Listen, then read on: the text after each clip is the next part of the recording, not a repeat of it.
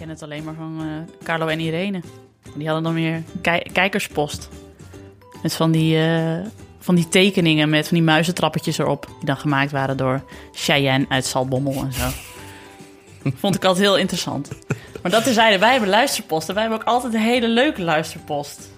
Ja, allemaal leuke mensen en leuke luisteraars, inderdaad. Dus als u een, nog een, eh, een passend verhaal heeft, dan kunt u altijd bellen.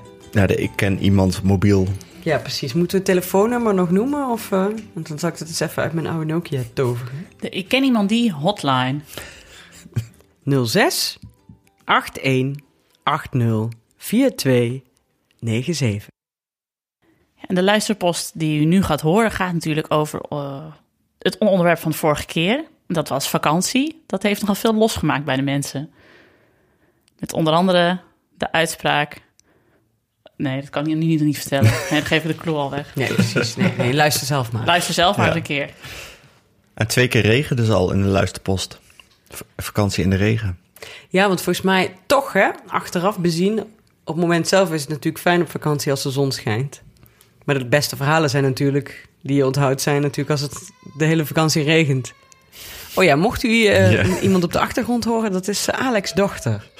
Ja, die wilde heel graag meedoen aan de podcast. We zitten weer bij Alex trouwens. Dus, eh, ja, maar nu, nu, nu thuis. Niet Nu thuis, niet- Ik zit, ik zit niet nog steeds op de camping. camping, ja.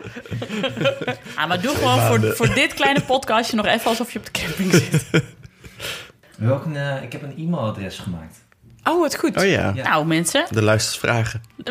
ja, luistervragen kunt u ook indienen via het mobiele nummer, maar ook via ons e-mailadres. En dat is Ik, ik, at, at, dagenacht.nl. dagenacht.nl. Dus dames en heren, mailt u al uw vragen eh, over de podcast, over het onderwerp, over Alex of Hanneke. Eh, Of Nienke. Of ja, kan ook. Naar ik@dagenacht.nl. We zien het met zeer veel vreugde tegemoet.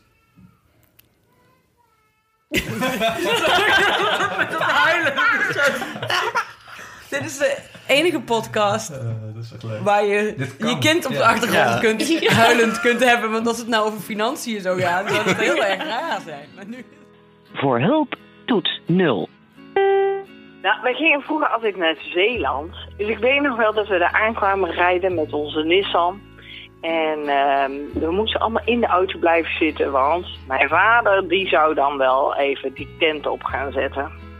Dat was zo'n grote tent, zo'n echte familietent met veel stokken en, eh, en honderd haringen en eh, hele zware doeken die je, daar, eh, die je over die, al die stokken moet heen doen met binnententen en een dingetje en een dingetje. Het was nogal wat. Wij, zitten dus in die auto en het regende en het duurde echt uren. En we zagen zo door al die, die mistige regen, zagen we hem aan de, de daar op dat veldje wat hem toen was geweest, zagen we hem al mopperend en al, al timmerend eh, die tent opzetten. En af en toe draaide mijn moeder de, het raampje open van de auto en riep dan, Ad, Ad, gaat het Ad? En dan riep hij, ja, blijf nou maar zitten, blijf nou maar zitten. Nou, uiteindelijk stond hij hoor, die tent. Zo, nou, hè, alles eh, erop en eraan. Dus eh, wij mochten, eh, nou, deuren open, meteen hup die tent in. En mijn moeder die, die, die gaat daar staan en die pakt de gordijntjes. Want we hingen nog van die gordijntjes om die tent op te sieren natuurlijk. En dat was met klittenband, was dat altijd. En die, die, ze, ze pakt zo die gordijntjes. En, en, en ze wil dat op gaan hangen. En ze roept tegen mijn vader... Waar is de klittenband? En, mijn, en op dat moment hoorde mijn vader zo... Goed, goed had hij de tent helemaal binnenste buiten opgezet. Oh, En zat die klittenband dus aan de buitenkant. Wij weer allemaal naar die auto. Werd die hele tent weer ondersteboven en weer binnenstebuiten geheveld. Nou, daar eh, hebben wij eh, nog steeds eh, lol om. Elk jaar hetzelfde. Af, af! Waar is de klittenband? Deze kende ik namelijk al van ja. Ik ken deze volgens mij van onze illustere dit naar Brussel met, met Alex en Ad, waar is de klittenband? Dat is de klittenband. Vooral dat ad, dat moest er ook bij. Ja, Af, af! Waar is de klittenband? Ontvangen om 18 uur 13. Het was ehm, 1992 en ik was nou negen jaar, denk ik. En ik weet nog, de Olympische Spelen in Barcelona stonden op het punt van beginnen. En ik weet ook nog dat ik eh, redelijk pissig was. Want ik moest de eerste dagen van de Spelen missen op tv, omdat mijn ouders me hadden uitgeleend. Eh, ik moest gaan kamperen in Frankrijk aan de Dordogne. Met een vriendje van mij en zijn moeder en haar vriend. En die vriend was een, eh, was een cabaretier. Ik zal zijn echte naam niet zeggen, maar laten we hem Lebbes noemen. Enfin, het was voor mij de allereerste keer dat ik ging kamperen. Ik was vakanties in zomerhuisjes gewend. Dus zo'n luchtbed, nou, dat, dat leek me helemaal niks. En zo'n tent leek me ook maar saai. Maar ik had het echt helemaal mis. Want saai bleek het allerminst. De allereerste nacht al dat we op die camping stonden, daar in Frankrijk, was dus mijn eerste nacht ooit in een tent. Het begon s'nachts zo hard te onweren en te hozen en te stormen, dat ik werd gesommeerd om snel uit de tent te komen en in de Opel Station Wagon van Lebbes te gaan slapen. Hij bleek de tent uh, vrij matig te hebben opgezet, verre van stormbestendig. En ik zie nog voor me hoe ik door het achterraampje van zijn stationwagen keek en mijn tent zag wegwaaien, richting de rivier, met erachteraan rennend een paniekerige halfnaakte cabaretier. En hoe boeiend het schouwspel ook, ik besloot daar en toen dat ik geen campingmens was. Vandaar ook dat ik totaal geen benul heb van vouwwagens, zoals je wellicht al in de vorige aflevering hebt kunnen horen. Maar eindgoed al goed, want eenmaal terug in Nederland ging ik direct door naar het vaste vakantiehuisje van mijn ouders en was ik net op tijd terug voor de buis om elf verlangen goud te zien winnen. Wat een vakantie.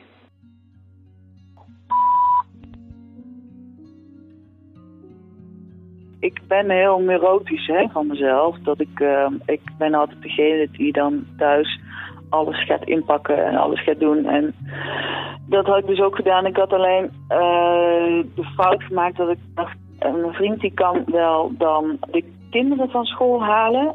En even de bollenkar, waar dan alle zooi voor Vlieland iemand uh, meenemen. Daar begon het eigenlijk mee. En toen het moment ja, dat je dan in Harlingen aankomt in de stromende regen en dat dan dus de onderdelen van de bollenkar niet zijn meegenomen en ook de regenjassen toch gewoon op school blijven te hangen. Ja, dan moet ik echt al heel erg veel moeite doen om uh, wel heel aardig te blijven ademhalen. En uh, we hadden echt een super deluxe tent gehuurd. Die gingen we zoeken uh, met kinderen zonder regenjassen. En uh, ik dacht, dat is heel dichtbij, maar dat was helemaal niet bij. Maar konden we helemaal niet vinden natuurlijk. Dus toen waren we echt tot onze onderbroeken nat op een gegeven moment. Mijn jongste dochter die zei, ik voel mijn vingers niet meer. En de andere begon allemaal hele dramatische filosofische levensvragen te stellen in de trant van... kunnen eilanden eigenlijk ook zinken? En toen um, zijn we toch heel eventjes voor de ellende gaan schuilen in een sanitair gebouw. En toen zei ik, blijf maar heel even staan. En toen zei ik tegen mijn vriend, ik moet echt heel even echt een sigaret roken, nu. Uh, toen ben ik om het hoekje gaan staan, een pakje sigaretten was ook nat en zo. Kinderen weten niet dat ik rook. Uh, ik rook ook niet. En um, toen stak ik natuurlijk die sigaret op en op dat moment net komt er dan iemand aan die je kent. Dan moet ik dus mee praten, dus ik dacht, ik heb een sigaret vast, dat, dat niet. Mooi camping kan hem niet op de grond gooien, dus ik dacht, hé, hey, daar staat een vuilniszak op het veldje. Daar, uh, dat is van. Dus ik, ik gooi mijn peuk zo in die klamme, volle vuilniszak die daar staat en ik liep weg. En ik, ik, dat je jezelf nog hoort denken, goh, de vuilniszakken op deze camping zijn toch altijd geel? Waarom is deze turquoise? Toch maar heel even teruggelopen om daar te zien dat iemand waarschijnlijk ook is gaan schuilen voor de regen, maar wel al zijn campingspullen alvast op zijn campingplek heeft staan. Inclusief zelf een kledable matje waar ik dus echt mijn peuk zo in zie zitten, zeg maar. Graag gedaan.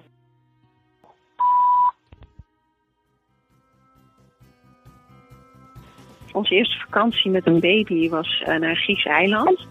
Uh, onze dochter was toen zes maanden. En we dachten handig, laten we lekker buiten het hoogseizoen gaan. Dan is het niet zo druk en niet zo bloedheet. Nou, die vakantie was best leuk, maar ook best wel saai. Want je kunt helemaal niet lekker even een lange wandeling gaan maken. Uh, want een baby in een buikdrager is ontzettend zwaar. Maar we waren zo buiten het hoogseizoen dat eigenlijk de meeste horeca al dicht was en ook heel leeg. Er was weinig te beleven op dat eiland. Er was één museumpje en één stadje, die hadden we gezien. En dan hadden we eigenlijk het hele eiland al gezien. Ehm, toen we dus uh, een tweede baby kregen en we weer op vakantie wilden, dachten we van nou, weet je, laten we gewoon uh, in het hoogseizoen gaan. Dan is er wat meer te doen. Ze hadden een stakerevent gehuurd, Hartje Zomer, in Zuid-Frankrijk. Nou, grote misrekening. We kwamen dus terecht in een gigantische hittegolf en het was bloedheet. De enige comfortabele plek was uh, in de airconditioning van de huurauto. En die staakerven die werd ontzettend heet. En uh, we konden dus allemaal, het hele gezin, kon eigenlijk pas uh, s'avonds laat lekker slapen. Wat dus ook betekende dat wij als ouders helemaal geen tijd meer voor onszelf hadden s'avonds. Dus we zaten de hele tijd met de kinderen. En ze werden nog steeds heel vroeg wakker, ook door die hitte. Dat was echt best wel een ramp. we zijn ook eerder weggegaan. Dus ja, nu ben ik best wel huiverig voor om weer op vakantie te gaan. Ik, ik, uh, ik weet het gewoon nog niet met die vakanties. Misschien als de kinderen wat ouder zijn, dat het dan allemaal wat makkelijker en leuker wordt. Ontvangen om 14 uur 5.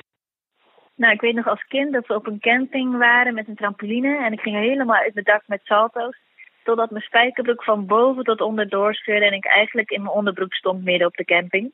Ik keek heel hoopvol naar mijn moeder voor hulp. Maar ja, het enige wat zij deed was foto's maken en heel hard lachen. Weer een jeugdtrauma erbij. We will return your call.